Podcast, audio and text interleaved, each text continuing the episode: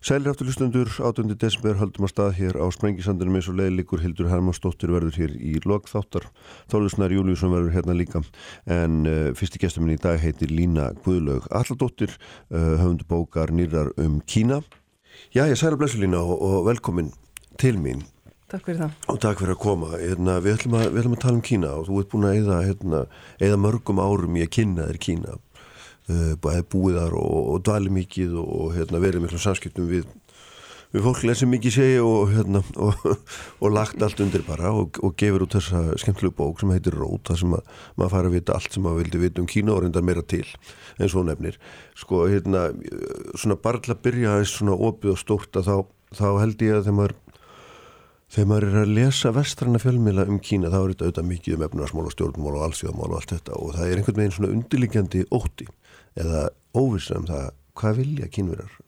Hvað ætla það að gera með þennan efnarslega styrksin en að fjölda þessa tilneyingu sín til að fara annað og fjárfæsta, hvað vaki fyrir þeim?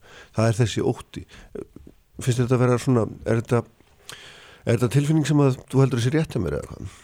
Já, ég held líka, sko þá var einmitt tilgangur kannski bókarannar mm. að eh, komum við svolítið aðra sín á Kína vegna þess að það sem við sjáum alltaf í fjölmjölum, það er mjög einslit mynd sem dreynir upp og yfirleitt alltaf freka neikvæð já, vegna þess að já. það er yfirleitt, það er mjög lítið fjallan Kína í vestrannum fjölunumilum nema eitthvað neikvæð gerist. Og síðan eins og þú segir eins og sambandi við óttan þá hérna, það er náttúrulega bara þannig við óttumst alltaf það sem við þekkjum ekki. Og Kína er náttúrulega langt í burtu og uh, með allt annars konar menningu og uh, þetta er svona samfélag sem við þekkjum mjög lítið mm. og uh, var einmitt líka ástæðin fyrir því að ég fór í þessi bókaskrif að ég vorði verið það. Fólk hefur, mjög, hefur mikinn áhuga en vantar algjörlega þekkinguna. Já. Og þú spurði náttúrulega mjög stórt hvað er Kína já, já. vegna þess að hérna, ég held að það sé nú afskafla fáið sem að geta kannski sagt hann nákvæmlega hvað vil Kína já, já. en ég held að svona undirrótina því sem að svona kræmur svolítið undir hjá núverandi stjórnvöldu er að ná fyrri styrk. Kína var áður fyrr fyrir áldum, þá var Kína náttúrulega bara mesta heimsvöldi já. í heiminum. Og það er ekkit, er ekkit mjög langt sem við þurfum að fara aftur í tíman til að finna það. Þetta er einnig bara svona 1750 eða eitthvað svo leis mm -hmm. og Það var stærsta hérna, framlýsluveldi heimi, það var hérna, bara mesta efnagsveldi heimsins og það, það hefur verið mjög líka, má segja, græmati undir niður hjá stjórnveldum og þeir hafa komið því til þjóðurna líka. Mm. Ákveðin svona, uh, já ákveðin óanægja náttúrulega, gagvart vesturlöndum að, að sem að, urðu til þess að þeir mistu þessi yfirrað sín í heiminum. Mm. Og það er nú eitt af því sem að hefur uh, til dæmis mótas, móta mjög, mótar mjög Kína samtímans. Það er að, vegna það er eiginlega ekki hægt að hérna, sagt, eh, aftengja, má segja söguna og Kína nútímans. Nei. Og þeir eru bara að reyna að ná sér upp úr því sem að þeir kalla 100 ára nýðulegingu og við þurfum að fara sko alveg aftur á miðja mm. 19. öll til þess að mm. finna rótina því þegar ópíunstyrðin voru og það er það sem þeir hafa mikið áhuga í dag, það er bara að fá virðingu heimsins, en hins vegar er þetta dálítið þannig að það er svo mikið minnumáttakent undir niðri og um, manni finnst undir stjórnvöld svona koma fram fyrir eitthvað batnalega og halda þeir geti bori bara hvað sem er að borð fyrir okkur mm. og ég veit að, minna, ég ger það líka og, og aðri líka, mann hlæstundum að einhverjum yfirlýsingum þar sem er að staðhafa svart sig kvitt og, og svo framvegis og halda já. bara við skiljum þetta eða, eða við, við hérna kaupum þetta þannig að ég, ég held ekki að Kína sé kannski að sækist eftir einhverjum heimsýfur á þeim mm -hmm. en þeir vilja vissulega draga þjóðina upp úr þessari nýðilægingu koma þjóðinni náttúrulega bara á par við það sem gerist í öðrum löndum hugsa um velferð þjóðarinnar og svo framvegis og þeir nota kannski brímisráði sem að okkur hugnast mm. ekki er mikil, eða svona af þinni, af þinni reynslu, ég veit að þetta er stóra spurningar og ég er sem ekki byggja þig að hérna, koma einhvern endanlega sannleika, heldur bara að segja mig hvað, hvað, því sko langar reynsla þín segir, ég meina, er mikil munur á þessum svona það sem við kallum stjórnvöld og eitthvað svona ofinbær stefna og versus svona einhverju fólki sem er hittur á gödunni það er mjög mikil munu þrá já. og uh, í reyninni er það þannig að uh, þjóðin hún hefur náttúrulega alltaf svo sem búið miðstýrt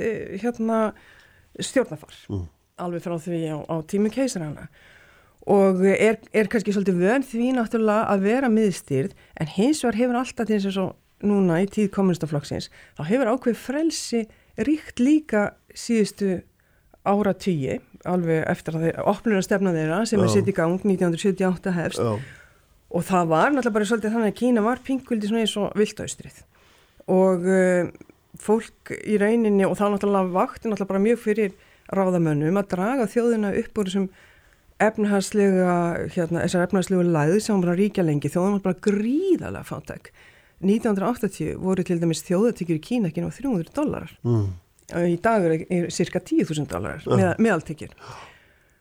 Svo að um, en Kína að, er enþá fátækt landi. Ég meina svona að þú tekur einmitt nákvæmlega þetta meðaltal heilt yfir nákvæmlega. þá er það bara ótrúlegt að, að framleiði sko í senn hérna flesta miljardamæringa á ári en er samt Já, sem að áður Já, það er náttúrulega það sem sko, er líka miskil, mjög mikil miskilningur mm. hérna á Vestlundum að Kína sé orðið svo ríkt.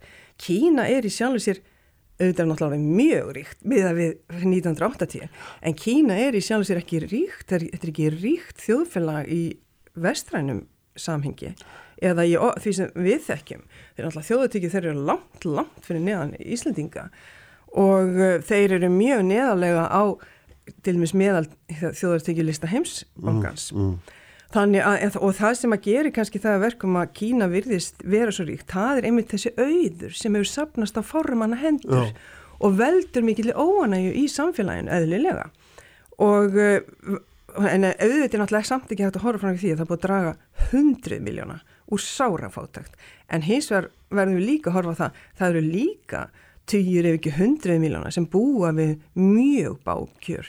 Ekkit velferðarkerfi eða sára líti velferðarkerfi og þurfa að bjarga sér sjálfur og þess vegna hefur það bara verið mjög ríkt í kynverski þóðinni bæði er þau mjög líkir okkur íslendingum að því liti þeir vilja mjög mikið svona koma sér áfram og hugsa um sig og sína fjölskyldu helst vera í einhverju sjálfstæður ekstri, Þa, það er það sem að, hérna, maður sér út um allt og er mjög skemmtilegt í reyninni í þessu stóra samfélagi. Já, reyka sjöpp út á hodni Algjörlega, já, algjörlega já. og hérna og, og það er náttúrulega kannski svolítið svona eins og, já eins og við, við þekkjum hér við höfum náttúrulega verið mjög mikið í smárekstri og þetta hefur þekst í Kína öldum saman og hefur til dæmis verið gert að verkum að það hefur stundu verið svolítið erfitt að eiga samskiptu í Kína vegna sem menn hafi ekki haft eitthvað miðstýrt fyrirtæki til að skipta við heldur hafa þurft að skipta við kannski hundrað dreifiðaðila mm. eða, eða sem sagt lilla byrkja þannig að og þjó, þar sem þjóðin er náttúrulega bara fyrst og fremst að hugsa um það er bara að komast áfram og búa sér og sínum betri hag eins og bara við hugsim náttúrulega líka hér. Já, nákvæmlega. Sko þegar maður er náttúrulega lesbókinu og, og, og auðvitað þykist maður hafa einhverja hugmynduða fyrirfram en þú, þér tekst mér vel að þjappa því saman. Það er þessi, það er þessar ævintýralögu breytingar sem þú ert búin að vera að lýsa svona hluta en, en, en endur speglast náttúrulega í einhverjum sko stjartfræðilega röðum uppbyggingum á risaborgum og, og hérna, þetta er einlega stærðir fólksflutningar, uppbygging og allt þetta sem er eiginlega bara náttúrulega vonlust að skilja það ná utanum hvernig hefur þróast á í raun og verið ekki 30 ár getur við sagt sem að svona uh, þetta hefur tekið sko að byggja upp miljónaborgir, reysa skíakljúfa, flytja miljónir manna reppaflutningum getur við sagt mm -hmm. fram og tilbaka ég menna þetta er ekki ósangil lýsing eða hvað? Nei, alls ekki og hérna, og eins og kemur svo sem inn á í bókinni og, og fólk getur lesið um þar til dæmis eins og allar þessar miljónaborgir sem að marga sem hafa reypsið náttúrulega bara frá grunni bara beint einhvers staðar upp úr jörðinni. Já. og uh, þetta byggja allan infrastruktúri kringum, kringu það og svo framvegs og það í rauninni hefur kannski verið þeirra sterkar hlið að, að byggja svona allt nýtt upp úr jörðinu vegna það er oft miklu erfið að breyta þessu gamla og endurskipilegja og það er það sem þeirra að fara svolítið offari þeirra að í rauninni má segja rifi niður aldrei söguna og hérna bara reynsa allt út og byggt mm. allt upp á nýtt. Mm og þetta er náttúrulega sko, þetta er náttúrulega svo ótrúlega breytingar. Og, og mér finnst náttúrulega bara að það er ótrúlega breytingar sem ég hef hort á bara síðustu 20 árin eða svo. Sumt er náttúrulega, og það sem náttúrulega er að gerast núna, það er náttúrulega þeir gáti náttúrulega byggt á þessu og þessum sem bændunni streymdi til borgarna oh. eins og gerðist svo sem hérna áður fyrr á Íslandi líka, það er Reykjavík verið að byggjast upp og það sé náttúrulega pínlítið minni mæli hvar að hérna það sem að náttúrulega gerist er að bli leitar þangar sem að atvinnan er og þeir hafa náttúrulega byggt á þessu ódýru framleiðslu mm. og uh, þetta efnags undur hefði ekki orðið neitt ef að bændunir hefði ekki streymt til borgarna og það sem að náttúrulega hérna hefur síðan gerst samlega því er að bændurnir eða margir af þessi sem hafa farið til borgarna þeir hafa orðið pínlítið svona eins og annars flokks þegnar. Verið svolítið til hliða við kerfið vegna þess að þeir eru með þetta búsetukerfi eða búsetu skráningakerfi sem kallast húkó mm -hmm. þar sem að þú ert bara með öll þín réttindi í þínu, þínu uppræna hér að þið og þó að þú flytjir á milli sem, sem fólk var að flytja hérna kannski frá Reykjavík til Akureyrar, þá myndir að skilja eftir öll réttindi sín á Akureyrar, er engi réttindi hér. Þannig að þetta er náttúrulega það sem hefur, hefur viðgengist og en það er náttúrulega sko ótrúlegt, ég hef bara sagt sem lítið dæmi þegar ég ekki fyrst í Kína mm. að þá voruð með svo gamaldags greiðslukerfi að þegar maður fór í Vestlun þá hérna, maður fyrstanlega gæti maður ekki nota vísakort stundu gæti maður nota vísakort og þá er einhver eitt kassi mm. þar sem hægt var að nota kortið og maður ætti að ganga millir starfsmanna vegna að það þá náttúrulega líka skapa atvinnu og þetta stimpla hérna kaupir sín hjá hinum og þessum svo bara örfáum árið síðar þá voru þeir konum í QR-kóta sem engi vissi hvað var á, á Vesturlöndum mm. og tæknibildingin hefur náttúrulega verið ótrúleg hjá þeim. Mm. Þeir lifa náttúrulega, þeir eru náttúrulega meðan að snjálf síma sinn og þar eru þeir með allt. Eru, það er bara heil heimur út af fyrir sig og ég tali með um það í bókinni að þeir lifa í rauninni bara í þessari tækni eða svona tæknibildingu mm. og þeir eru mjög fljóttir til yngar síningar alveg bara ótrúlega sko. En ég, sko það sem að svona ég veit ekki hvernig maður er auðvitað orðað en, en það er alltaf einhver svona gríðarlega innbyggð þversögn fólkin í miðstýruðu ríkið sem kommunistaflokkur ríkir og svona frjálsum óheftum kapitalisma sem hefur vilist að einhverju leiti verið í gangi líka. Og, og hérna svona miðstýrum flutningum á fólki versus svo þessi svakala efnarsupbygging sem er hérna og þetta hlýtur einhvern veginn og eins og nefndi nú aðan misskiptingu gæðana og maður svona hvernig tekst það meila alltaf lokin á þessu vegna þess að, að það hlýtur að vera þetta hlýtur að skapa alveg óskaplega tókstreitu svona ótrúlegar umbreytingar á svona stuttum tíma. Já, það er náttúrulega, maður sé þetta er náttúrulega mikil tvískinningur komunistaflokksins vegna þess að ég hefði talið það að, að, að flokkur sem að, að gefa sér út fyrir að komunistaflokkur myndi hugsa um til dæmis velferð þegnana en hins vegar hefur þetta verið þannig þeir hafa bara hent þjóðinni bústanlega út í óheftan kapitalisma mm. og það er bara hver, þeir eru bara hentum út í djúbuleginum að segja. Og það er bara hver og eitt þurft að svamla og bjarga sér. Og uh, ég veit eða ekki hvað á hérna sagt, þessi hugmyndaf eða bara ef maður horfir á eins og núna uh, þessi órái sem hefur verið í gangi uh, sem sagt gangvart komunistafloknum hann hefur í reyninni kannski ekki verið svo mikil hugmyndaórói vegna þess að eh, eða einhver hugmyndabilding vegna þess að þjóðin er í sjálfu sér sko, jú þeir eru undir stjórn kommunistaflokksins, ég myndi ekki segja að þjóð þetta verið miklu kommunistar þjóðir sjálf. Og uh, það sem að hver og einn er bara hugsun sinn hag og koma mm. sér áfram og reyna að vinna sér eins og mest að tekjur. Og þeir sem hafa alltaf verið næst kommunistaflokknum þeir hafa alltaf fengið mestu tækifærin og það hefur alltaf skapað þessa gríðalögu misskiptingu. Já. en hins vegar er það þannig að maður hérna, kafa svo litið ofan í söguna. Þá hefur kapitalismin alltaf þreyfist í Kína, öldun saman undir allir þessari mistrygg og sem er svo litið sérstátt þannig að í reyninni þetta háttalag komunistaflokksins að, að eh, fagna má segja kapitalismanu líka það er kannski ekkit skrítið í rauninni þegar maður horfið svolítið á söguna í Kína. Og hefur þetta alltaf verið þannig að verið einhver verið svona einhver miðstýring svo hefur fólk bara verið svolítið frjálst. Nema, náttúrulega, þegar komunistaflokkurinn tekur við þarna 1949 mm. þá upphóst þarna, má segja tökja áratuga tímabil þar sem þetta var aflagt og allir átt að bara vera undir einhverju gríðalögu miðstyrði kerfi en það bara gekk ekkit upp. Nei. En þegar þú segir þetta þá náttúrulega er það þetta hinbúin líka alveg ljóst að þetta frelsi er auðvitað þannig er nú bara ákveðinu marki. En þessi hver skipti sem að fólk opnar munnin einhverju leiti þá þetta er sig á þau hér og lögleiksa það, það, það er auðvitað hérna Þetta er, það svolítið, er já, þetta er svolítið þannig að maður hefði kannski að komast að flokkur sé svolítið með þjóðin í bandi. Þeir slaka svona á þegar það hendar þeim og svo dragaði bandi svolítið til sín þegar það hendar þeim ekki mm -hmm. og þetta með að eh, til og með sér svona með málfrelsi sem að fólk náttúrulega hefur alls ekki í Kína og mikill náttúrulega löstur hérna í samfélaginu og eh, er náttúrulega ekki þetta heimferða upp á neittnum að komunistaflokkin að það náttúrulega gerir það að verkum að, að sko, meðan að fólk segir ekki neitt þá er það fengið svona að aðtapna sig svolítið frjálst en núna þegar að fólk og það náttúrulega er kannski maður að segja með tæknubildingunni mm.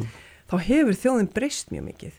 Þó að hérna kynur stjórnvöld reyni hvað þau geti að stýra umræðinni og, og hérna henda út öllum óæskilum orðum sem fari í gang og svo framvegs kannski á, á netinu þá er fólki bara ótrúlega útsjónsamt og hérna finna sér á einhverja leiðir alltaf fram hjá þessu. Og stjórnvöld eiga miklu erfiðara með að stöðva umræðina í dag heldur en áður fyrr og það er það sem að náttúrulega þeir óttast mest af öllu ef að umræðin fer eitthvað úr böndunum að þá náttúrulega eh, segir sér sjálft að þá kemur upp allir þessu óanæga, miskiptingin og svo framvegs og ef að óráleikin fer sagt, út í það ótt að fólk var eitthvað mótumæla stjórnvöldum harðilega þá náttúrulega er ekkit annað í bóði fyrir stjórnvöld enn í rauninni berjaða niður eða þá að, að hugsanlega þetta breytist eitthvað. Og þar sem er haldi stjórnvöldum við völdi núna er þessi efnægslega velgengni. Og þegar hún er ekki lengur til staðar þá fer fólk kannski spyrja sér pínliti meira Já.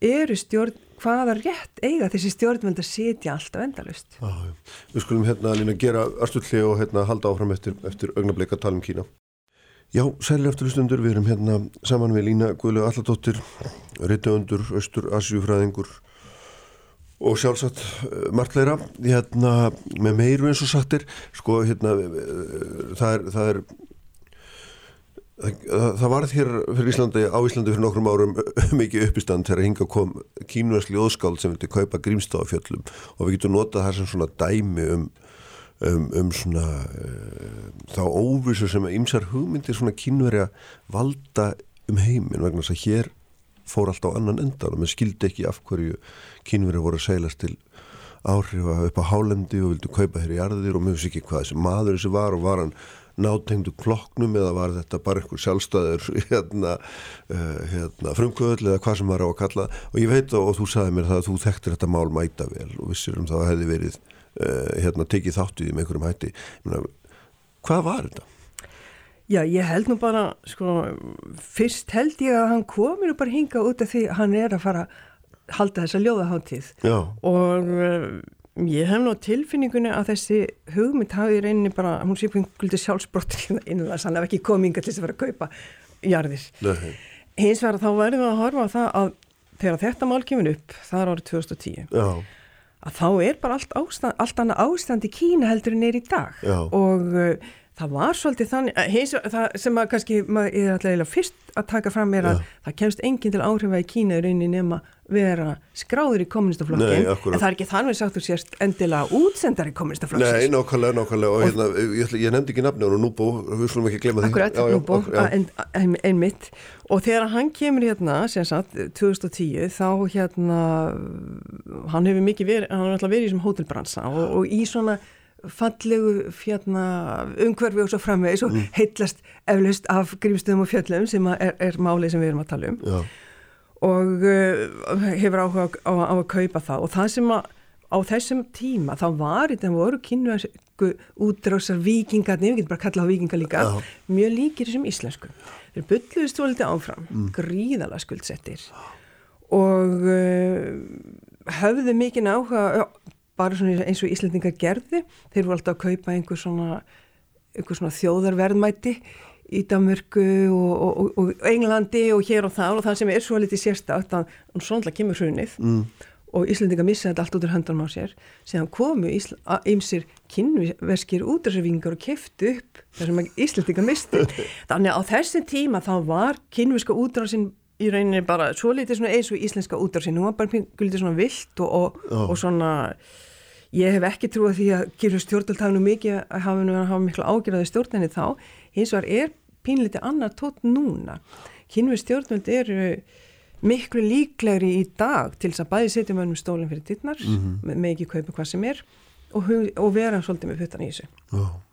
Þannig að þau eru hérna að því að maður veit ekki hvort þetta er einhvers goðsögn eða, eða ímyndun okkar ótti og allt þetta eins og nefndir uppalega ótti við það sem maður ekki þekkir og framvegis um það hversu sko, hversu mikið þeir eru með nefið honni hvers maður skopið síðan. Getur maður nefnt hér dæmið langfjálmesta sendir á Íslandi kýmst sendir á því langstæðist, samt eru ítök þeirra hér miklu minni heldur en margra annara og svona það er margt í þessu sem að svona veldur því að mann man áttar sér ekki alveg hvað vakir Nei, það er alltaf mann mjög, mjög einkennlegt og ég skulum bara viðkynna ég áttu mikið heldur að því hversin þeir eru með svona rosalega stór sendur á Íslandi. Nei. og hérna vegna þess að ég, ég hef nú ekki trúið því að þeir ætli að hérna, komast til einhverju yfirraða hér á okkar litla, litla landi.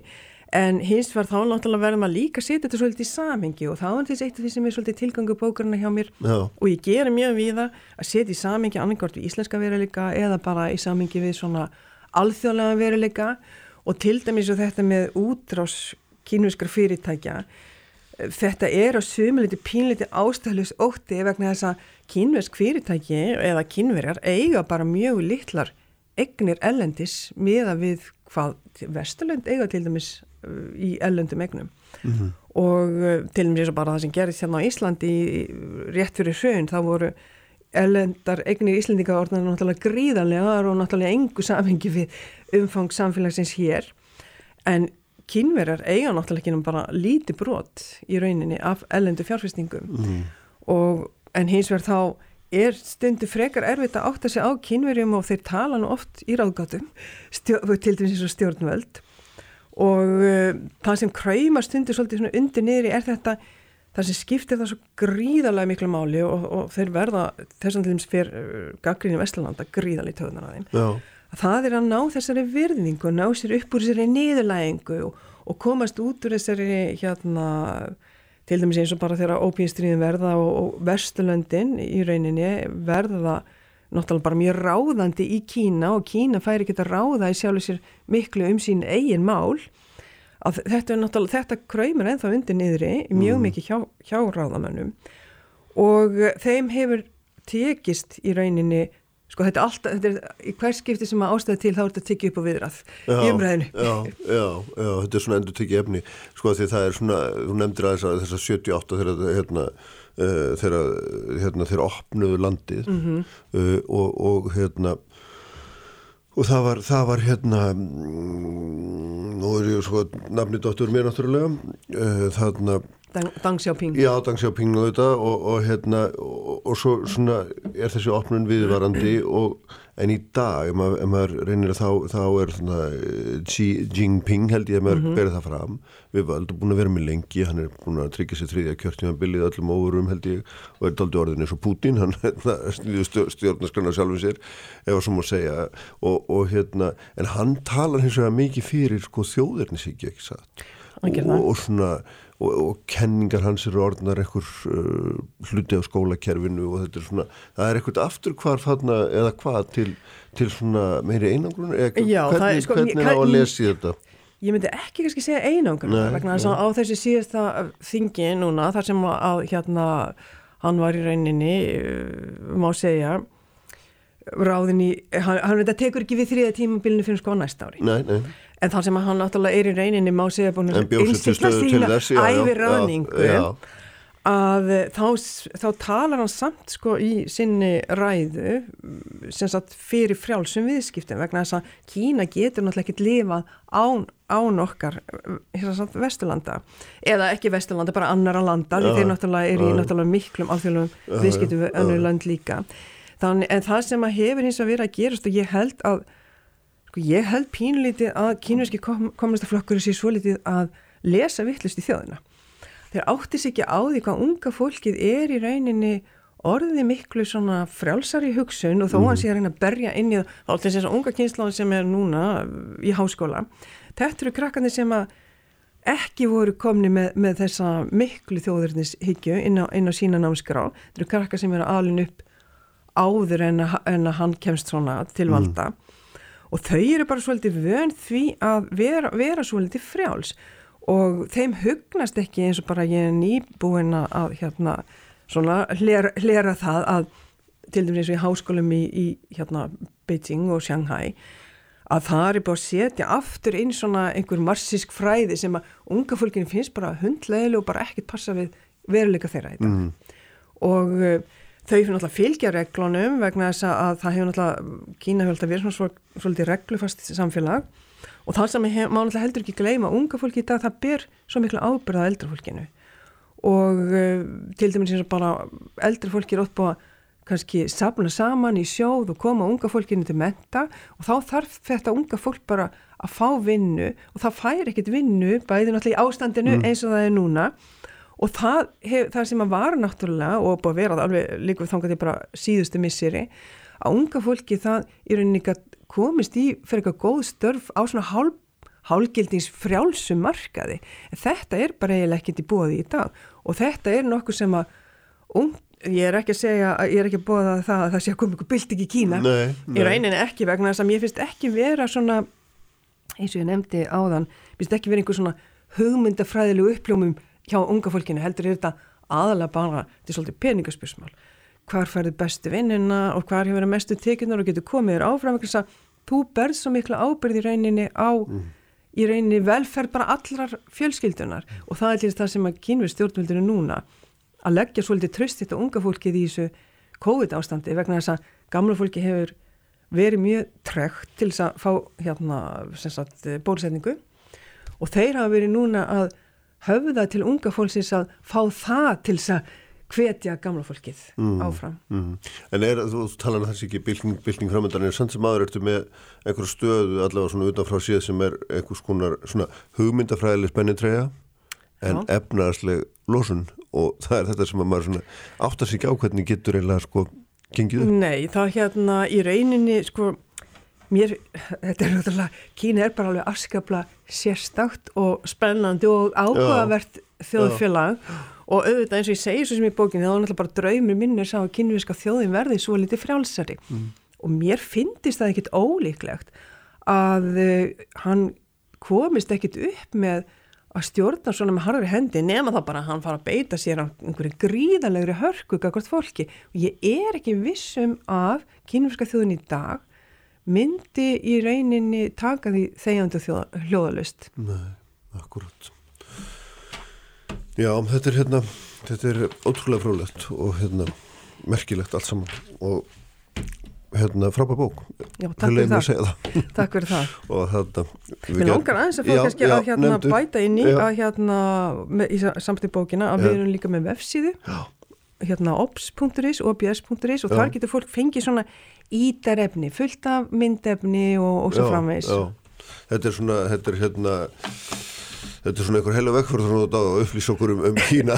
Það má kannski eiginlega, segja það. Hún er alveg ótrúlega skemmtileg, gríðilega kræfandi og spennandi en hérna, já, það er hérna, þetta var bara svona, mér fannst þetta bara kvíla á mér. Ég hafði þessa gríðarlega mikilvæg þekkingu og ég var bara náttúrulega komin í frá mér. Það já, er bara þannig. Já, ljómundi. Bestu þakki fyrir að koma inn. Kæra þakkir.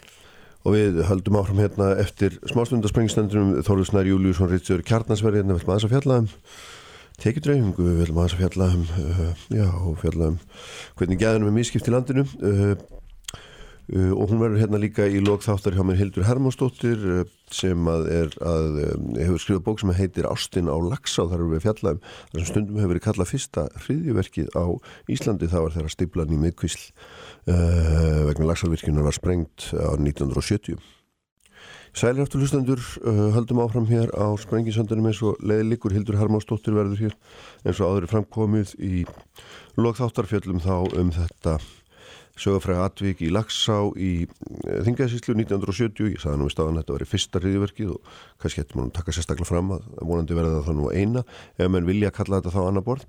En næsti gestu minn er, hér eru allt annari áttið þetta er uh, Ritstjóri Kjarnans Þorður Snær Júliusson Sælablessaður og velkomin til mín. Takk fyrir.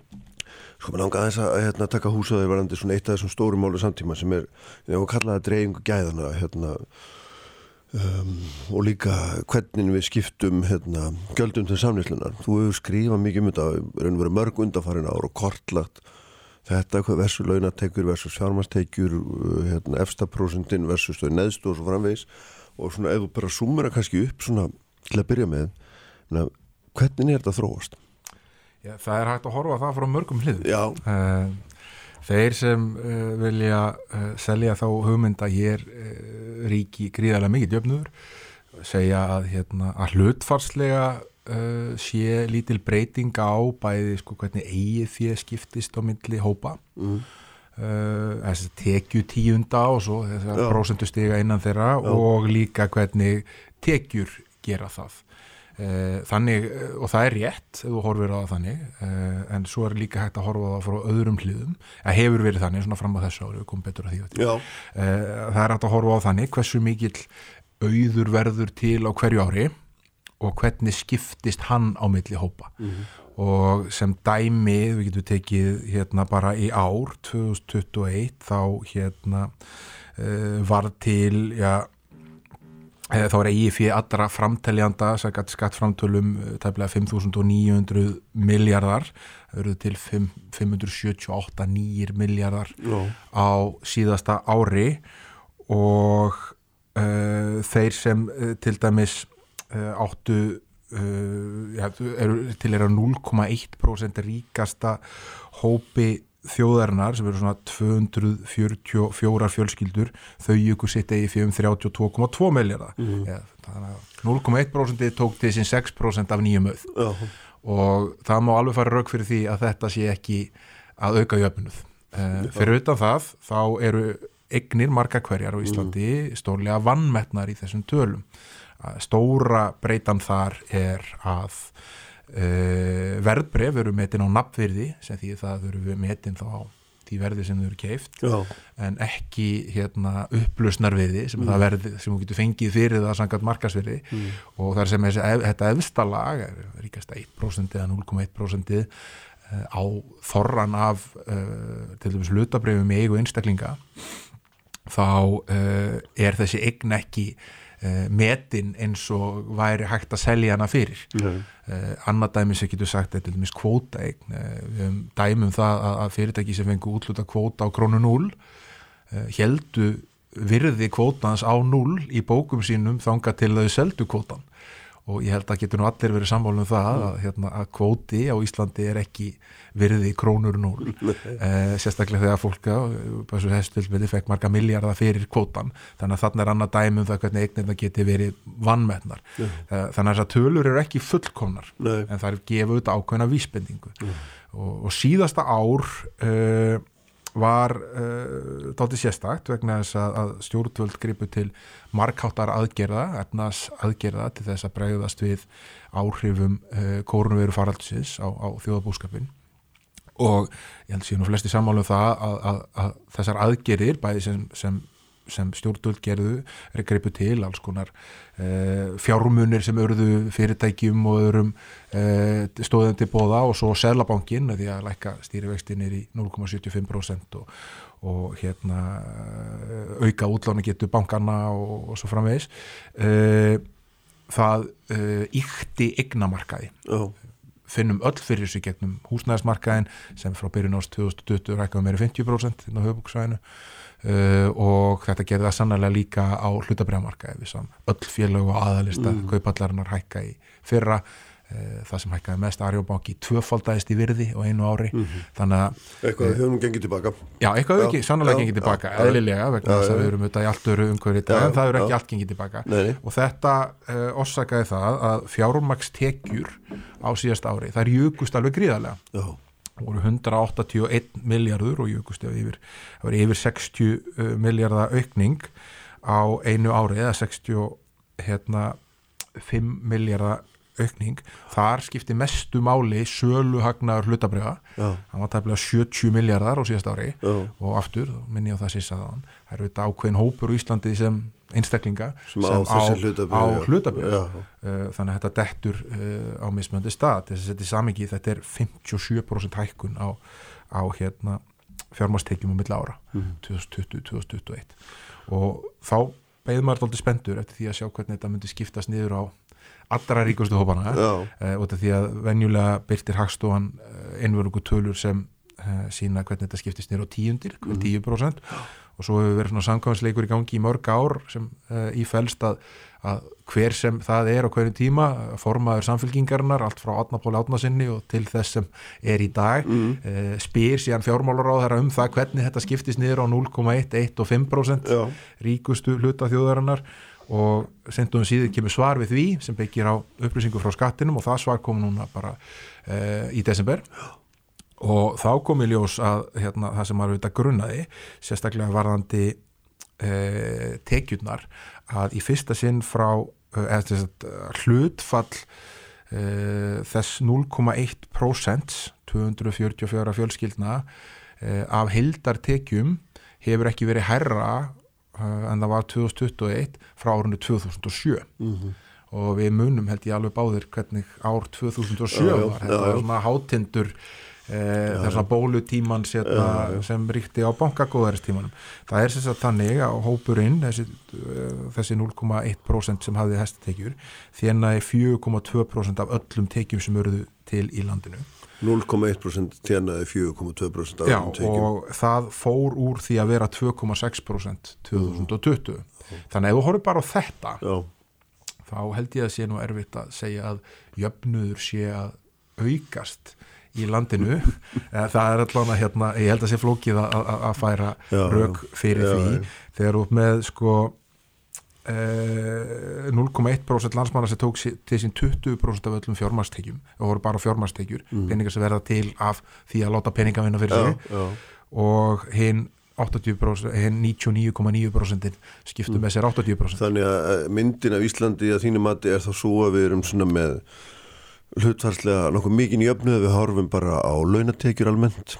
En ef leið að við förum að taka eigna tekjurnar með að þá þá er raun og veru kollvarpast það er engin vami, ég held að þetta sé rétt álita, það eru mm. ákveðnur hópar launamanna sem standa út úr og þeir eru uh, vel dokumentar mm. forstjórar, skráðara, fyrirtækja uh, og annars líkt uh, en þeir eru þetta sko fámennur hópur í stóra minginu þannig að hann viktar ekki stórtinn í meðaltölinn launatekjurnar eru tiltöla jafnar á Íslandi, það er sér fólki sem vinnur hjá þeim sem eiga mm. fyrirtækin, mm. þeir eru með tiltöla svona jöfn, laun í, í svona alþjóðlegum samanburði uh, og þetta eru öfgar á báða vegu, það eru líka þetta jáðarhópar sem eru með mjög lálaun og, og, og laun sem eru jafnvel undir framfæslu viðmiðum uh, og svo, sem eru mjög há uh, og svo ertu með sko allt annan veruleika fyrir þá sem eiga fyrirtækin og fjármagnir mm -hmm það sem líka skekkir þetta er það að þetta, þú horfir á til dæmis eigið fjö sem ég myndist á hérna til byrjum munum bara eignir umfram skuldir. Uh, lang flestir eiga allt eigið fjö sitt í, í einni tegund eigna. Það er venjulega fólki bara já. í húsnæðinu sá býri já. og aftur með að upplifa svona mikla hækkanar á skumum tíma þá þetta hækkar eigið fjö en geta þín til þess að nýta þessa hækkun hún er ekkit rosalega mikið. Þú getur auðvitað skuldsetti mm tekið eitthvað út veist, einhver hérna, sveigurum til þess að skuldsetja þig og tekið út penning þannig. En ef þú selur fasteinna þina uh, þá er mjög sennlegt að þú þarf að nota þennan nýja afrakstur til þess að kaupa það nýja. Nefnum þú setja að fara að deyja eða eitthvað. Og, og af, aflega þetta þá mm -hmm. hérna, næstu kynslu uh, þannig að hérna þarna er uh, bundin, uh, bundið fyrir lang flestra Eh, svo er bara til dæla afmarkar hópur sem á aðra regna sig, fleiri fastegnir en eina, eh, hlutabref eh, og annað slíkt mm. sem lifur í svona daldið öðrum veruleika og mm. sömur auðvitað heldur ekki í krónuveruleikanum sem við búum í, ger upp í, í, í öðrum gjaldmiðli, 300 fyrirtæki á Íslandi sem gera upp í öðrum gjaldmiðlum en Íslandi, mm. en í krónni og fjármagnar sem mörg hver á öðrum kjörum í erlendum böngum og svo framvegis, þannig að það, þarna er skekkja mm. og, og ég held að, hérna, að það, það, þetta sé ekki eitthvað debattsöðu þurfum að hafa, hún er þarna og, og hérna og svo getur alveg, hérna aftur svo ég farið það er þetta, já, já, sorry já. já, þú veist, að sagt, hérna, já, en þú veist ef við horfum á hlutvarstölunar, já, já. hlutvarstölunar eru gallar, að mínum mati mm. og fólk borðar ekki hlutvöld uh, fólk þarf að pening til þess að kopa mat til þess að borða uh -huh. og uh, mér finnst alveg augljóst að, að þarna er að vera gliðnun, hér voru greipið til aðgerða sem allu uh, mm -hmm. tilfæslu og fjármunum til fjármarsegenda uh, og fyrir vikið er miskipningu í Íslandi Þannig að þegar maður er að horfa á því að nú er þetta allt einhverjar afleiðingar af pólitík, það er skattastefnu og, og, hérna, og þess áttar tóti að þegar maður horfir á þetta, ef maður sem getur sagt sem bara, sem að sletti, falaðum á nýja þá, hérna, þá er alveg auglúslega það er, stefna hefur verið í mörg ár að, að breyka bíl á milli þeirra sem eiga og hinna sem að engungu vinna fyrir launum og eiga lítið, menna það er Það er. Það er stóra myndin og þín álutun? Það er mín álutun, ef við sjáum það að hérna, hér eru ykkur til aðgerða til þess að Eh, sem íkja eh, arsemi ákveðina greina, við séum þetta bara veiðigjöld hefur verið mjög lág eh, sko eh, hagnaður sjáurútves eh, sangkvæmt eigintölum hans en Deloitte ykkur saman var 65 miljardar fyrra, sangkvæmt tölum hagstofuna var 80 miljardar fyrra, það er þrefaldur hagnaða með ára undan á sko fordamölusum tímum þar sem ríkisjóður reygin í meirinn 100 miljardar krónar halla og, og hérna gríðarlega þörf á innspytingu þar inn Uh, og það hefur ekki verið neitt vilji uh, til þess að, að, að svona að mæta þessu við höfum búin að vera að debatta um, um, um veiðigjöld og, og, og, og hérna, sangjata skiptingu og ágóðinu sem kemur á nýtingu og auðlita já, nánast frá því að kvotakerfi var sett á hérna á, á nýjunda áratöndum þannig að hérna, það er eitt hlutur, ég menna bankaskattur hefur verið lækkaður sem hefur skilað mikill innspýtingu til banka sem hefur mm. enga bankarnir að greiða það út til hlutláðana sinna uh, uh, með, í meira mæli en hafi verið gert áður. Og, hérna, og vakstamunurinn, munurinn á því hvað þeir eh, lána okkur á og hvað, hvað er borg okkur fyrir innlánsvextina og hvað þeir lána okkur á, hann hefur bara aukist Uh, þvert á, á, á það sem uh, raukstúringu sem var gefið fyrir því að, að myndi gerast eða bankastáttur ja, þannig að það er annað. Svo er þriðja sem auðvitað blasir við og hefur leiði fyrir lengi er það að hér er uh, kerfi það sem er að nota enga hlutafélög til þess að telja, tel, telja launatekjur fram sem fjármastekjur og borga þar alveg til læri skatta. Og ASI hefur metið að þetta kosti ofnbæra aðila um 8 miljardar ári, þetta gerir það verkum að margir borg ekki útsvar og borgar ekki útsvar á fjármasteikjum og þetta eru þetta bara fólk, egna fólk, stór egna fólk sem Já. nýti sér uh, þessar leiðir, þetta er svona EHF gatið svo kallega uh, þetta er leiði fyrir, þetta er stjórnásáttmála núna um að loka þessu gati og, hérna, og hefur ekki verið gert uh, þrátt fyrir að vittneski séum þetta lengi og Já. allt öðru í sí aðferðum beitt og hinn og Norrlundun til dæmis til þess að, að ná um þessum tekjum þannig að já, ég held að það setja að draga þá álutun, eða það er mín álutun að mm. hérna, hér hefur verið rekin svo stefna að, að, að hlýfa þeim sem eru uh, að taka til sín mest og hérna með einhvern veginn þá hugmyndafræða baki að það muni skila bröðmólum niður til allra hérna, mm. skila meiri vexti og, hérna uh, og meiri framleginni uh, en hérna afleggingin er þessi að við höfum oh. komum hérna með stjætt sem er fann að tegja sér inn í náttúrulega alla ánga íslensk samfélags fann að eiga í alls konar óskildum gerum. Við vorum alltaf bara á sjáarútis eh, fyrirtækinu og eigandu þeirra fann að eiga í hvort sem það eru tryggingafélög eða bankar eða, hérna, eða smásala eða, miðbæir er að byggja miðbæi hérna, og, og svo frammeði svo gríðarlega um sögumiklir á fastandamarkaði þannig að hérna, þetta er staðan og svo komum aftur í spurningunni þetta er þetta allt aflegginga pólitískum ákvæmum Við skulum hérna gera östu hlýðþólur og, og hérna, halda áfram eftir augnablik. Sælir afturlustundur uh, haldum áfram mér að sprengja sendinu mér svo leiði líkur hann er hjá mér Þólu Snær Júliusson sem er auðvitað rittstjóri kjarnar sem við erum búin að vera að fara hér yfir svona þróun uh, ja, tekilhutvalla uh, á síðustu árum og svona hvaða, hvaða mynd það dregur upp á samfélaginu dregið þar upp mismun launatekna, fjármastekna, eignatekna og, og sínt fram á svona, eða þá eru þú sínt fram á öllu heldur að það hafi orðið verið gliðnun á milli þessara svo kallar að tekju hópa og það sem að 0,1% samfélags hefur nú notið áastana umfram, umfram aðra sko hérna e, að því við búum í samfélagi sem er norrænt ölfæra samfélag og, og við erum búin að tala eins um jöfnuð. Þá er líka hérna e, þá er það líka ljóst að, að eitt er jöfnuður í afkomu, annar er jöfn tækifæri og þegar hérna, áhrifamesti flokkurinn í Íslandi til margra ára tuga talar um jöfnu, þá talar hann fyrst og fremst um jöfn tækifæri þú kemst þá fram að verðleikum þetta er eitthvað sem að hérna, þú hefur sett mikla stort og mikið spurningamerki við þetta svona verðleika hugtæki þessum skilningi og í tengslum þá við einmitt þessa þessa tekjutryggingu Já, ég, því að Íslandu þetta er, við erum svo lítið samfélag uh mhm. -huh. og hérna og erum þetta til dæla uh, umt liðvildi uh, og sem hefur meir og minna verið stjórnað á tveimur stjórnmálflokkum sem eru svona, þú veist, búin að manna og móta uh, kerfin okkar alla tíð uh, svona uppistuð uh, og ef við verum með svona mjög yfirþyrmandi og stóra atvinnugreinar sem eru uppistaðan að öllum útflutningi og eru megin stóðanar undir efnaðaskerinu uh, og svo eru við með krónuna sem rammar þetta allt saman inn uh, með öllum sínum hérna, já, ég ætla að segja göllum fyrst og, og, og svo kostum mm. og þetta býr til sko land þar sem það er mjög mikið stýring á tækifærum að mínu mati. Það er þannig að sko, það eru margir sem fá þess að tækifærunum er útlutað að mörgu leiti út frá hérna, tengslum við pólitík, uh, tækifærum fjölskyldtengslum eða fyrirgreyslu gegnum viðskiptalíf, viðskiptalíf eða atvinnulíf sem er að stórunluta fákeppnis markaðir, mm. allir samkettnismarkaðir hérna á Íslandi eru fákettnismarkaðir, það eru svona cirka þrjú fyrirtæki sem eru svipað verlu nánast á öllum þessu mörkuðum hvort sem það er eh, maturuvestlanir, tryggingafélög eh, einhverju leiti eh, hérna, fjarskipti og svo framvegs mm. uh, og svo ertu með einogunumarkaði og svo ertu með uh, útlutningsgreinar sem eru svona dálítið dominerandi yfir öllu saman.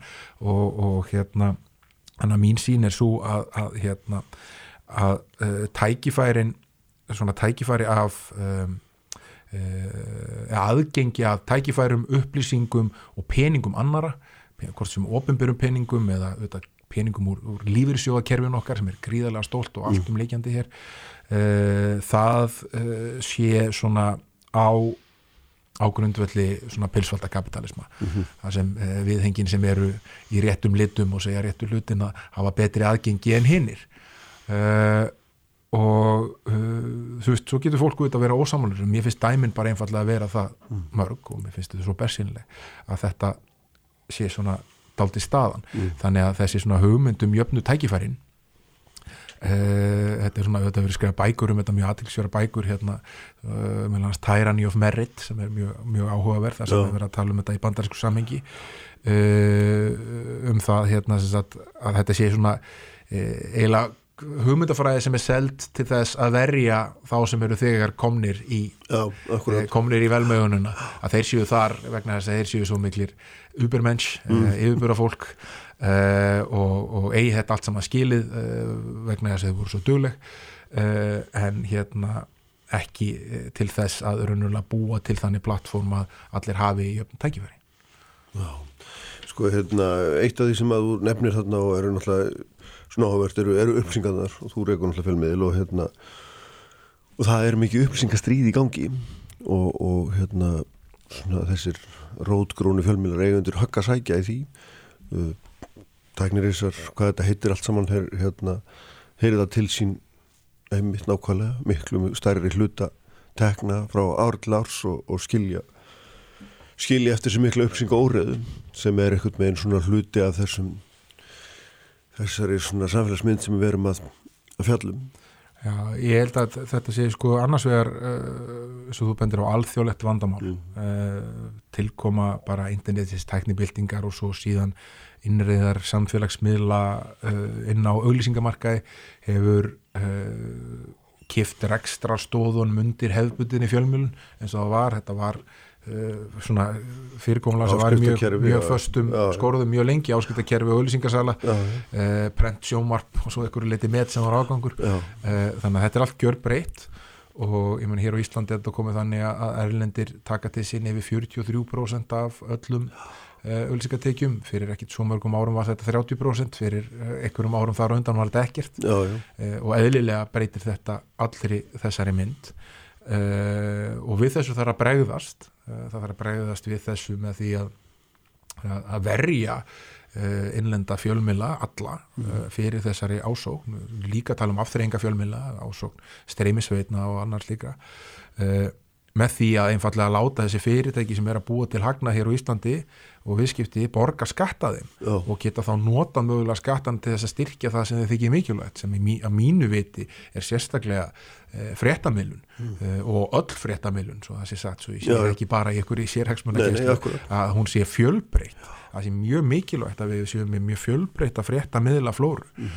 e, þetta er ekki gert, mandamáli hefur leiði fyrir í mörg, mörg, mörg ár við erum ekki búin að gera neitt til þess að nálgast þetta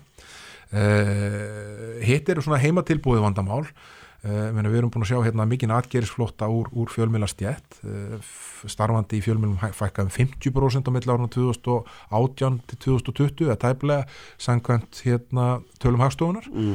uh, en meira þegar við ferum lengra aftur á bakk og ég held að við vitum það báðir þekkjandi margar sem önni þessum geira ja. að magnið af fólki með mikla getu, mikla reynslu, mikla sérhæfingu sem eru horfið til annar starfa er alveg feikilegt ja. og það sést á fjölmjölinu fyrir vikið hún líður fyrir það já. að gott fólk fari og gera eitthvað annað margir að fara að vinna í svo kallar upplýsingamilun sem hefur vaksið mikið uh, fiskurinn rigg og er svona að einhverju leiti anstaðan við aðhaldsfjölmila, það er að segja út að, út að láta þá sem þú vinnur fyrir mm. líta vel út það er betur borgað, vinnum minna uh, hérna, það er hlýra á skilstofunni uh, og hérna og þarna hafur orðið gríðarlega aukning bæði hjá enga geranum, ekki síður í ofinberga geranum, við sjáum bara uh, ríkistjórn Ísland sem er sko 27 aðstofamenn saman Eh, það er upplýsingafulltrú í hverju einasta ráðun eða hverju einustu stofnun. Það er upplýsingafulltrú í hverju ráðun margir hjá Reykjavíkuborg 11 eða 12 mm. upplýsingafulltrú var bara hjá Reykjavíkuborg og svo frammeðis uh, Hagsmunarsamtök hafa styrt þessa hlið hjá sér alveg gríðarlega. Mm -hmm. á meðan þetta veikja aðhaldið. Alveg svakalega yfir langan tíma. Uh, með því að gera ekkert. Og fyrir vikið þá hefur þetta uh, mörg sérhagsmunur að öll séð séð leika borði mm. og eiga í fjölmiðlum og eru tilbúin að borga fyrir tapiregstur fjölmiðla uh, yfir lang, langan tíma til þess að ná sínum tökum á umræðinni uh, og uh, það býti samkiptspjögun mm. þeim sem verður að reyna að reyna segja En finnst þér þetta að vera, sko, hérna, það sem verður að lýsa er, eru staðrendir, það er alveg umhverfst, þessi fjöldi eru er bara staðrendir og öðrusingateginnar eru staðrendir og, og svo framvegs og hérna og svona slagkraftu fjölmila hefur mingað einhverju marki vantarlega, þetta er svona aðgangur uppsingum auðveldari þannig að sami maður getur nú sótt sér meira í dag heldur en fyrir 30 árum þegar þetta fletta öllu upp í bókum og svo framvegis. En, en, en sko um, um leið er náttúrulega sko, fjálminn hún verður lagari og þar með verða ára sér líka fleiri og meiri að því að ónákvæmni verður meira framvegis. Þetta er einhvern veginn svona er einhver vítarhingur sem að, ég veit ekki, mér finnst allavega svona með líta á þetta þannig að við séum lendi einhvern veginn svona vítarhinga því að þegar að menn hérna, eiga erfitt með að sinna skildum sínum þá er auðveldur að gaggrína þá sem aftur gerir þá hérna, viðkvæmari og svo framvegi sko. Já, ég er eiginlega bara samanlæðir, eh, ég held og ég er komin á þá skoðun svona træglega mm. að þetta sé einfallega eitthvað sem allavega uh, hluti af ráðamennum á Íslandi bara vill hafa svona uh, því erum við leiði fyrir alveg frá sko á starfsópu skipaðu 2016 skýslu skila 2018, það liggur alveg fyrir margar tillögur hvað þarf að gera, þetta er allt góða tillögur. Það þarf að uh, breyta fyrirferð rúf á fjölmjölmarka, mm. hún verður allt og fyrirferð mikið, bara á melli 2021 og 2023 eða framlöti rúf að hækku miljard það er að 5,7 miljardar pluss 2 miljardar auðvilsingatekjur og meðan allir aðrir er að, að, að, að hérna, draga saman. Fyrirferðin er hún of mikil og það þarf að, að breyta þessu fyrirkomuleg mm. þetta vita allir ráðum að tala með domvila sem gerst ekki um leið er rúf brjóstvörn okkar gegn ellendum áhrifum, er það ekki? Já, já, bara já. Hérna, hérna, en þú veist, sem gerst ég er, ég, ég er fylgjandi tilveru rúf, ég vil já, hafa rúf já. svo það sé sagt, ég vil hafa rúf ekki fréttastofu en rúf þarf ekki að vera með 8 miljard ári til þessu spilur það getur alveg komist af með minna. Mm. uh, og breytt einfallega aðalega starfsemann sinna því til þess að búa til meira súrefni inn á almenna markaði það liggur fyrir hvert hlutfall erlendra í tökku auðlýsingatekna er hér og hérna streymisveitna, það er þetta skatleggja það, það liggur fyrir og hafi bara ekki verið gert. Mm -hmm. það er ákvörun að gera það ekki. Eh, við höfum sett upp einn ánga af þessum 6 eða 7 tillugum sem var lagt til hérna á sín tíma sem voru allar mjög frambarilegar og gerlegar.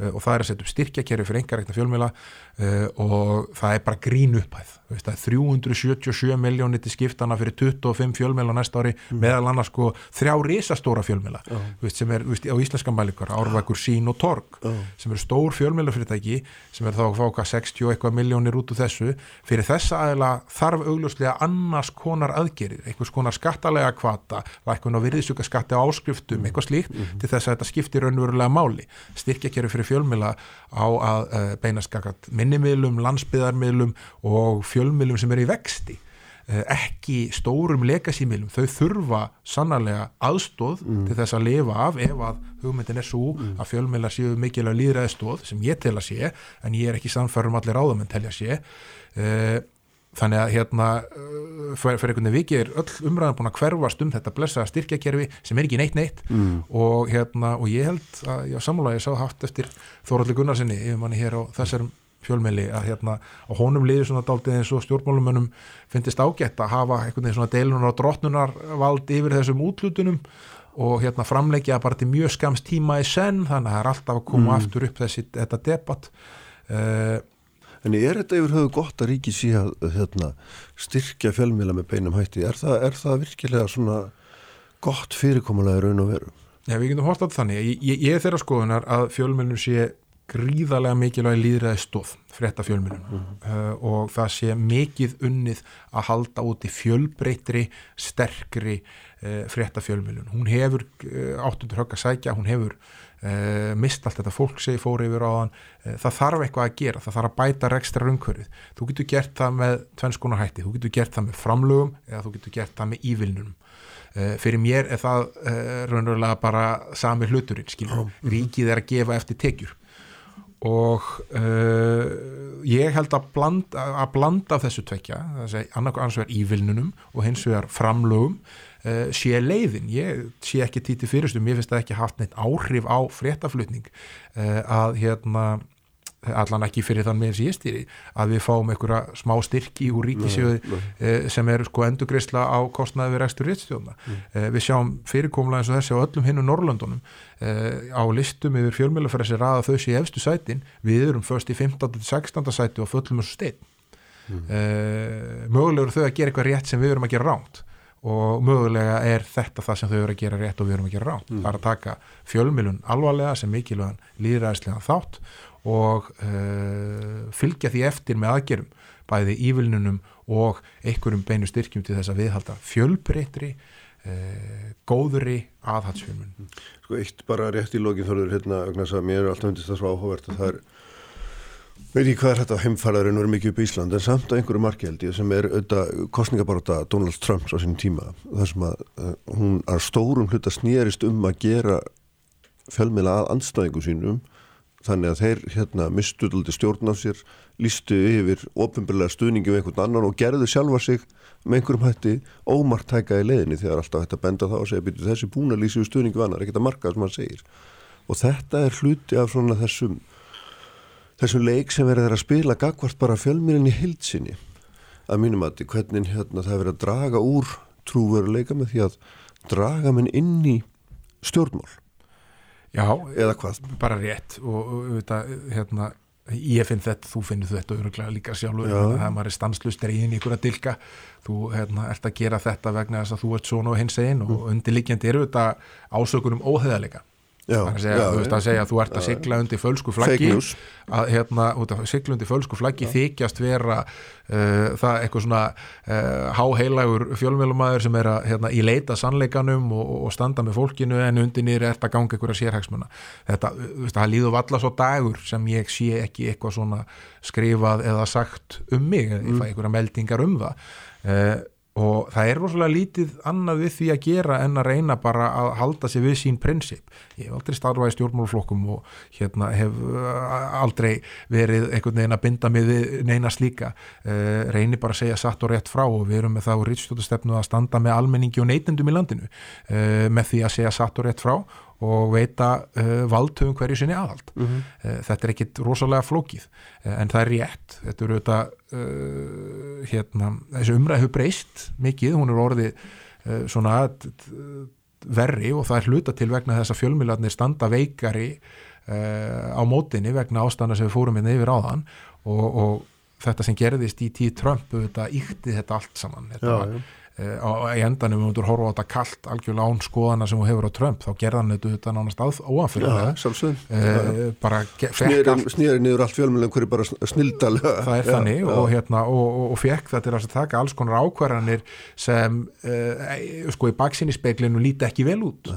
Og hérna og ég held að og mér hefur svona fundist það á stórum einstöðursmilunum í bandaríkjunum að þeir séu uh, svona í í naflaskoðun og hafi verið í naflaskoðun undanfótnum árum vegna þessa mm -hmm. hefðu við ekki geta bröðist öðru sér við en það er oft þannig þegar stormurinn geysar þá tekur við bara ákvarðanir sem hérna eldast ekki alltaf rosalega vel Nei, nákvæmlega, hérna við skulum halda áfram að ræða þetta einhvern veginn, hérna þetta svo hérna skemmtilegt, en bestu þakki fyrir að koma og hérna og takk fyrir þetta frálega spjall. Takk. Við haldum svo áfram hérna á Spengisendurum og eftir uh, með Hildi Hermástóttur fjöllum þá um allt annað mál sem að gerðist nú fyrir lungu en er skiptið miklu máli í samtímanum.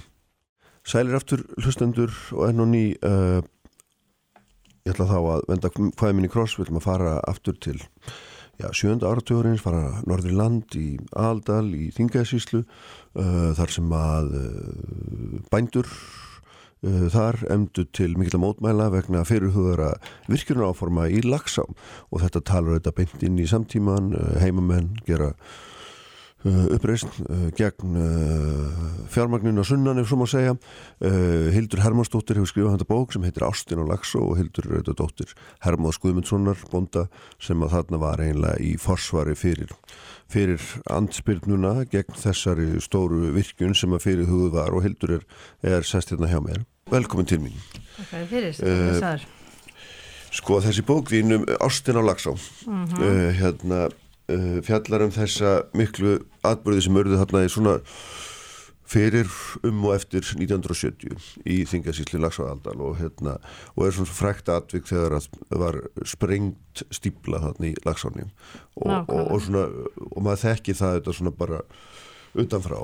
En þú ert að svona greina þarna frá bakgrunni og þetta er auðvitað svo merkilegt vegna þess að þetta talar svo við okkur í nútíman sem þarna verið að vega að náttúrunni með einhverjum hætti sem að heimamönnum finnst óviðunandi og, og sætta sig ekki við áríki kapitalsins og, og, hérna, og allt þessa. Nákvæmlega. en, en hérna sett okkur aðeins, aðeins svona, hérna, ég, sett okkur inn í sögursviði til að byrja með. Já, já, já, ég mátti til sko, ég er náttúrulega ung stúlka þegar þetta gerist. Já.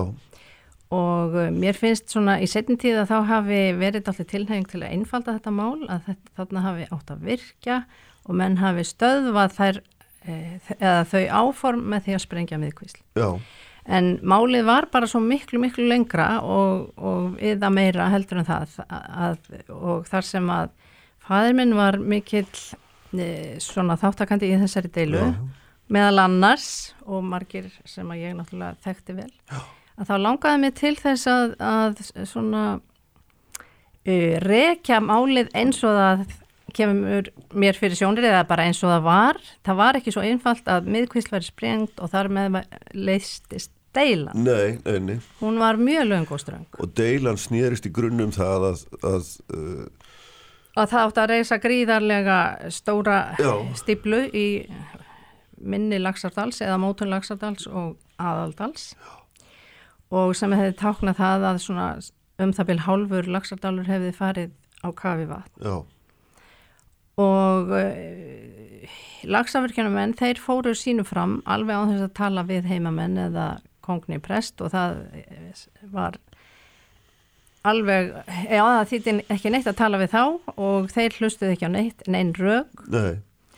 en kannski má reykja upphafið eh, til þess að miðkvíslarstiblan er reist upp í mjósveit 1960 uh, virkunin er sko samegn ríkisins og akurirabæjar Já, þeir... sjálflagsavirkjum sem er þá reist er enn fyrir er það ekki? Jú, Já. enn fyrir Já. og um 1930 uh, Til þess að, uh, að jafna vassrensli að þá er þessi miðkvíslar uh, stíbla reist 1960 þrátt fyrir mótmæli og það verður þarna ákveði landrask og tröflun á fiskigengt og svo framvegis Um, en virkjunamenn voru ekki til í að hlusta neitt á heimamenn. Nei. og þetta þótti fyllilega réttlætanlegt miða við þann hagnað sem að, sem að þetta af þessu hlýtist um, síðan er sem sagt uh, halda þeir áfram að brölda þarna í lagsá og lagsár gljúfrum að, og það er auðvitað komin þarna lagsárvirkjunni sem við sögum aðan en nú hafa þeir uppi stærri áform og 1963 eh, þá fara að berast svona fyrstu fréttir af því að tilstandi að reysa gríðarlega stóra virkin þarna og svo, en e, það er alveg án þess að tala við kongniprest eða sem sagt heimamenn. Mm, Um, 1966 sendir veiðifélagið aðtóasendir og vill fá að vita hvað er í gangi. Um, og þeir fá engar fregnir. Og það er alveg, það er ekki fyrir 1969 að, að stjórn lagsavirkjuna bóðar til fundar eh, í, á Breiðumir í Reykjadal til að kynna áform um Já. nýja virkjun og sem búið sig að teikna og nú sé of seint að mótmæla. Já, Þannig að þetta var svona kannski upphafið já, að þeim deilum sem síðan byrja að rýsa það. Og það sem að, hérna, það sem er svona fyrir utan þessa staðbundnu deilu þá er þetta svo merkilegt að þessi deila verður sko að meiri háttar tákni fyrir deilur um náttúruvend á þessum tíma í kringu 1970 Jú, og hún nær til alls landsins í raun og veru þetta, er, þetta og ratar inn á alla aðeistu staði þetta. Já, já, það má segja það.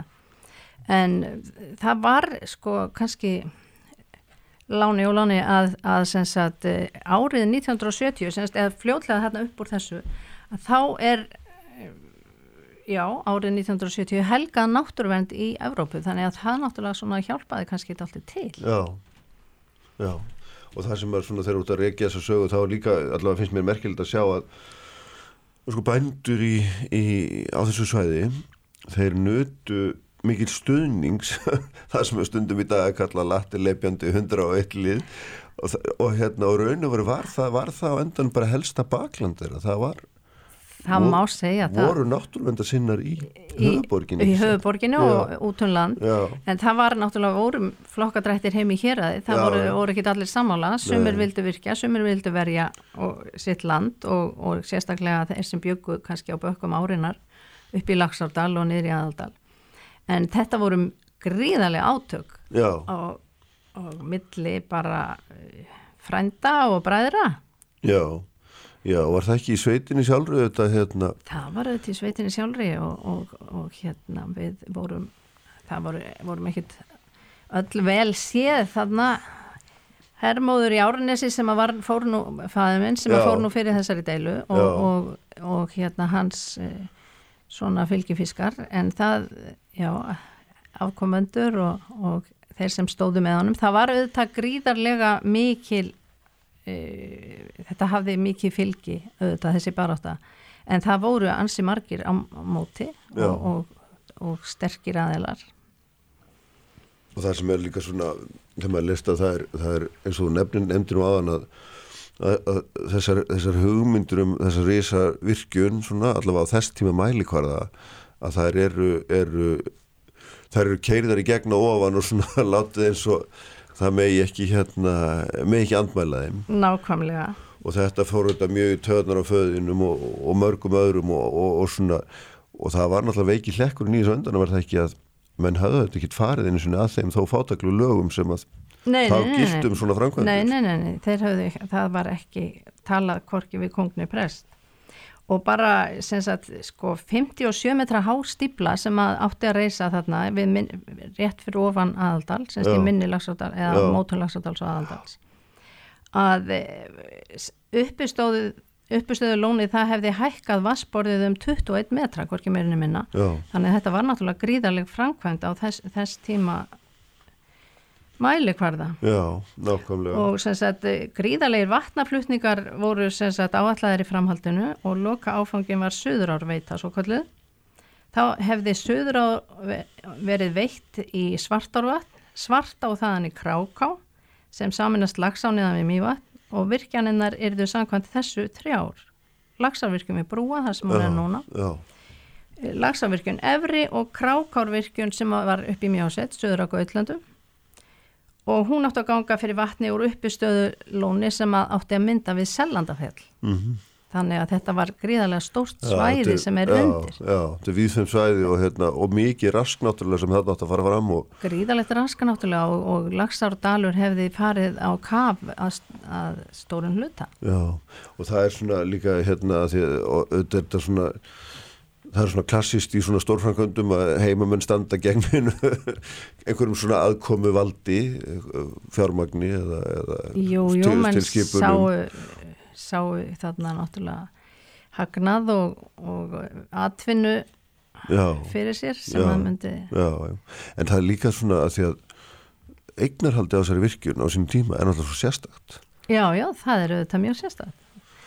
Það er bara, sko, akureyringar og, og ríkið sem að eiga, þetta er samegna akureyrar Já, bæjar og En ríkisins. það eru og veru akureyringarnir sem að þeir eru drivkraftur Þeir eru frekar já, en já, þeir eru, og það eru að leita eftir orku fyrir, fyrir sig og, og sin, sitt bæjarfélag. Já, og ég meina þessi lagsar virkjuna menn svo kalluðu sem að stýra þessu eru, eru yfirleitt hérna, eru við þaðan eða minnstu kosti búsettir þar já, já, já, já. rafvirkustjórun, hérna og, og fleiri og fleiri sem að hérna fara fyrir þessum framkvæmdum Akkurat.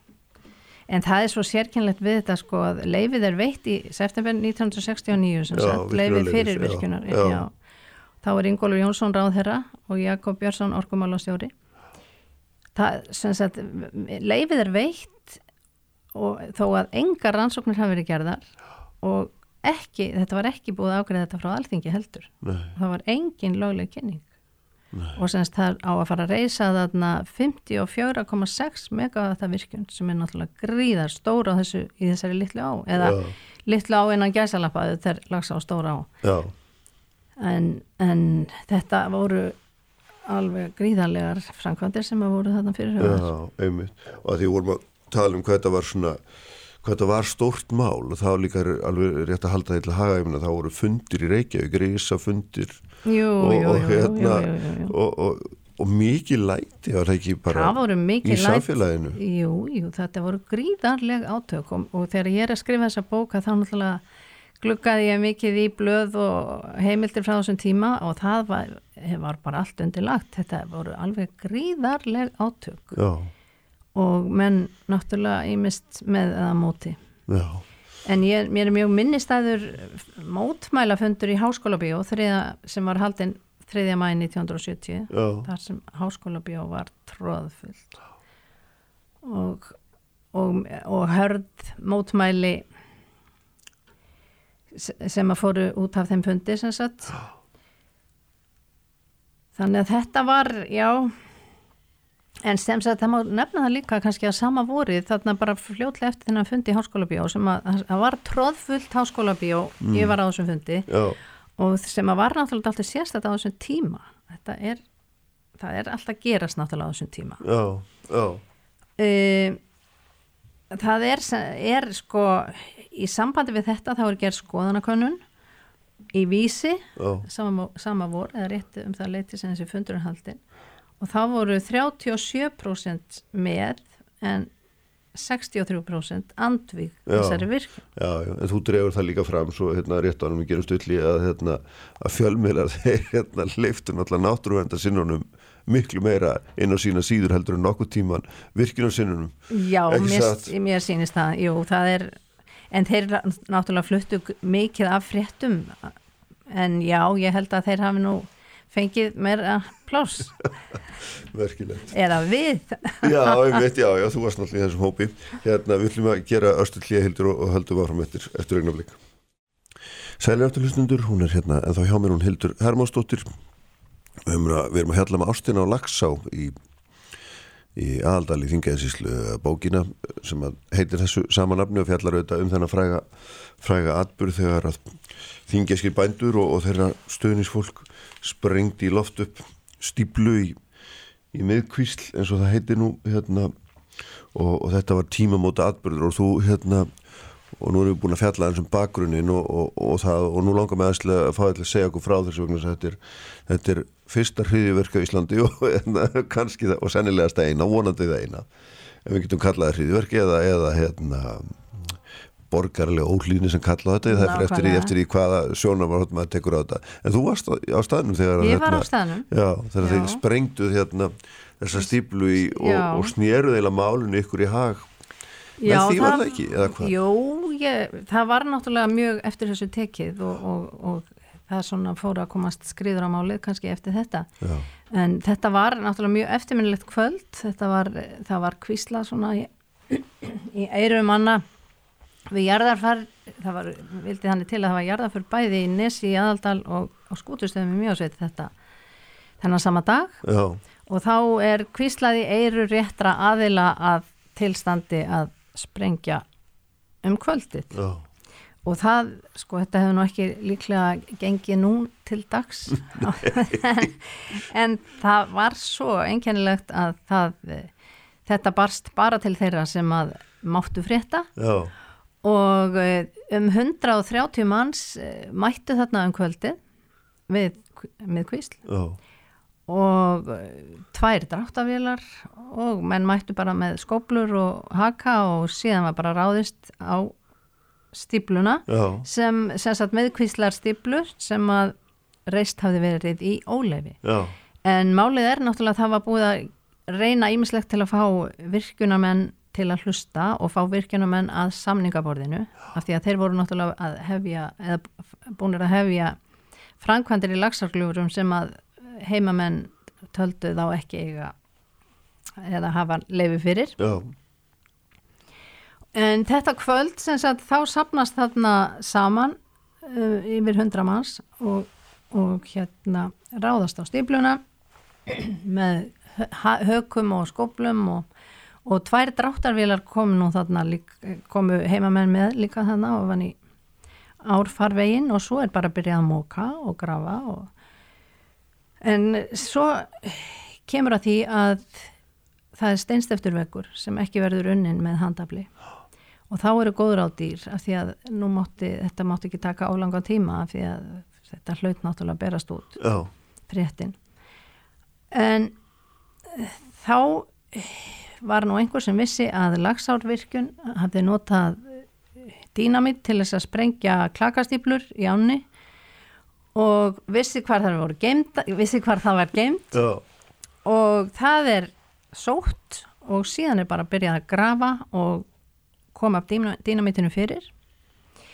E, Völundur bróður minn hann hafði nýlega lesið bók sem heitir Bissuna frá Navarone eftir Alistair MacLean. Og hann e, sagði að þar hefði hann lesið að dýnamitið þyrfti að fara báðu megin við hlutin sem átt að sprengja. það var heimildin. Heyrðu og dýnamitinu er komið fyrir og þeir eru svo miklu snillingar þarna nokkrir að þeir, þeim tekst bara að sprengja veggin og, og það bara opnast eh, farvegurinn og áinn streymir í gegn og gömul kona í Mývasveit heyrðist hrópa. Ég eh, sagðist hafa heyrt ána hrópa. Ég er frjáls, ég er frjáls.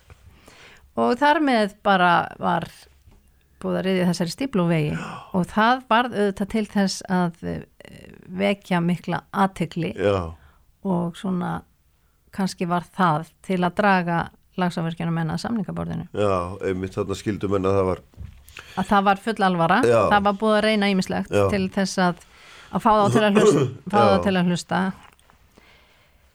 En svona var þetta nú? Þetta var í, þetta var í ágúst. Það- reyndar hafði ég sko mánuði áður þá hafði líka verið atbyrður sem að var svona mjög ábyrjandi varðandi mótmæli.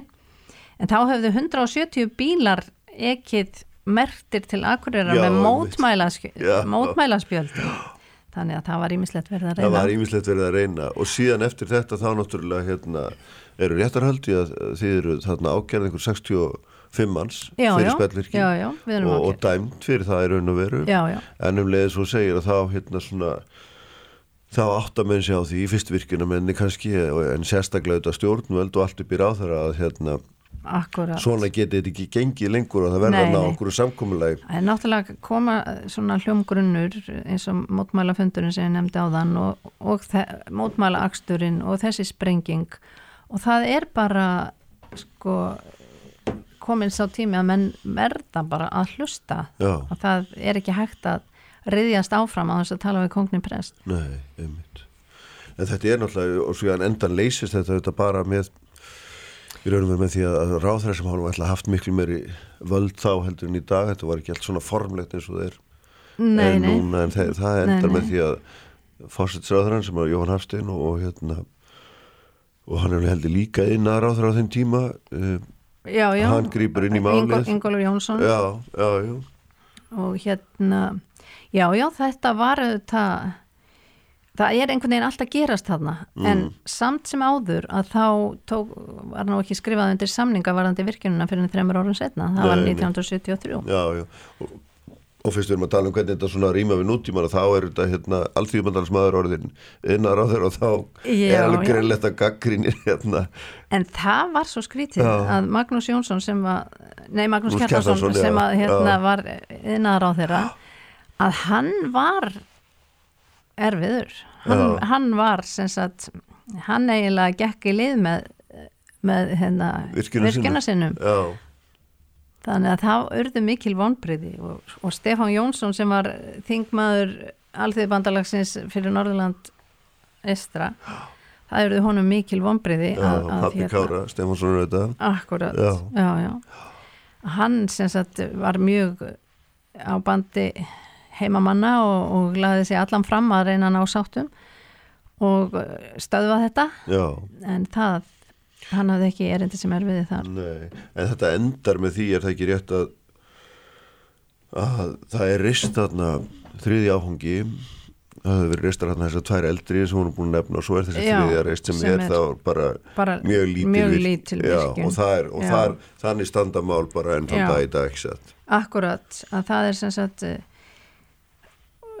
það er sem, já, bannað að breyta reynsli lagsár og, og það já. er gengið til samninga á þeim, þeim þannig að þessi stóru áformum 50 og eitthvað megawatta virkun hún, þau enduðu í einhverjum Í- 6 í 6,5 Já, Já, já. þannig að og töldu með það vera fullnaða sigur í sveitinni eða hvað?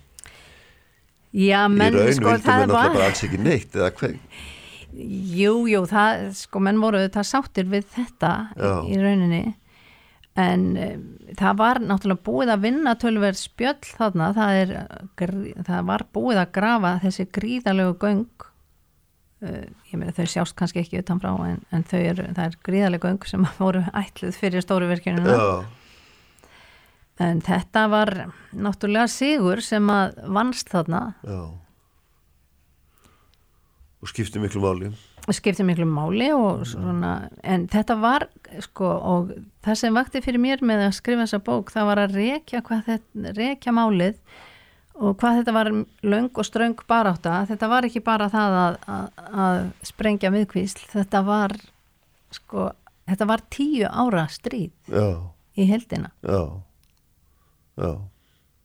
Hvernig finnst þetta að tala inn í nútíman? Mér finnst þetta náttúrulega að tala bara mjög vel inn í, inn í nútíman og, og þetta bara, já, þess vegna langaði mig líka að skrifa þessa bók til þess að vekja aðtegli á þessu. Þetta er náttúrulega bara það sem er að gerast núna og það sem að þetta er bara eitt, eitt stríð af mörgum sem við eigum eftir að há, sko, Þetta er þessi klassiska, þessi klassiska átökum það hvernig við eigum að fara með náttúruna. fara með náttúruna og hvar við ætlum að fá orkun? Já, já, já. nákvæmlega. Nákvæmlega. Heyrðu, við verðum að láta lokið hérna, takk fyrir að koma og gaman að fá þig og hérna, feikilega skemmtilegt að, að hérna, rifja þessa sögu upp á nýja leik. Þetta er áhrifamikil saga. Og með þessu verðum við að láta sprengisandunum lokið í dag, Eh, það er átjöndi desember auðvitað og þetta er reyndar síðasti þátturinn núna fyrir jólinn. Eh, Það verður ekki þáttur á jóladag, við verðum með ykkur hér aftur eftir áramótin eða fyrsta janúar nákvæmlega. Ég var Davíð Haldursson stýrið auðvitað útsendingunni eins og gerir alltaf. Allt efni á bilgjarn.is og vísi.is og í bilgju appin og hvarvetna það sem þið finnir hlaðvörp og það var ekki annað eftir en að bjóða hlustundum eða óskar hlustundum öllu heldur gleðilegra jóla. Verðið sæl.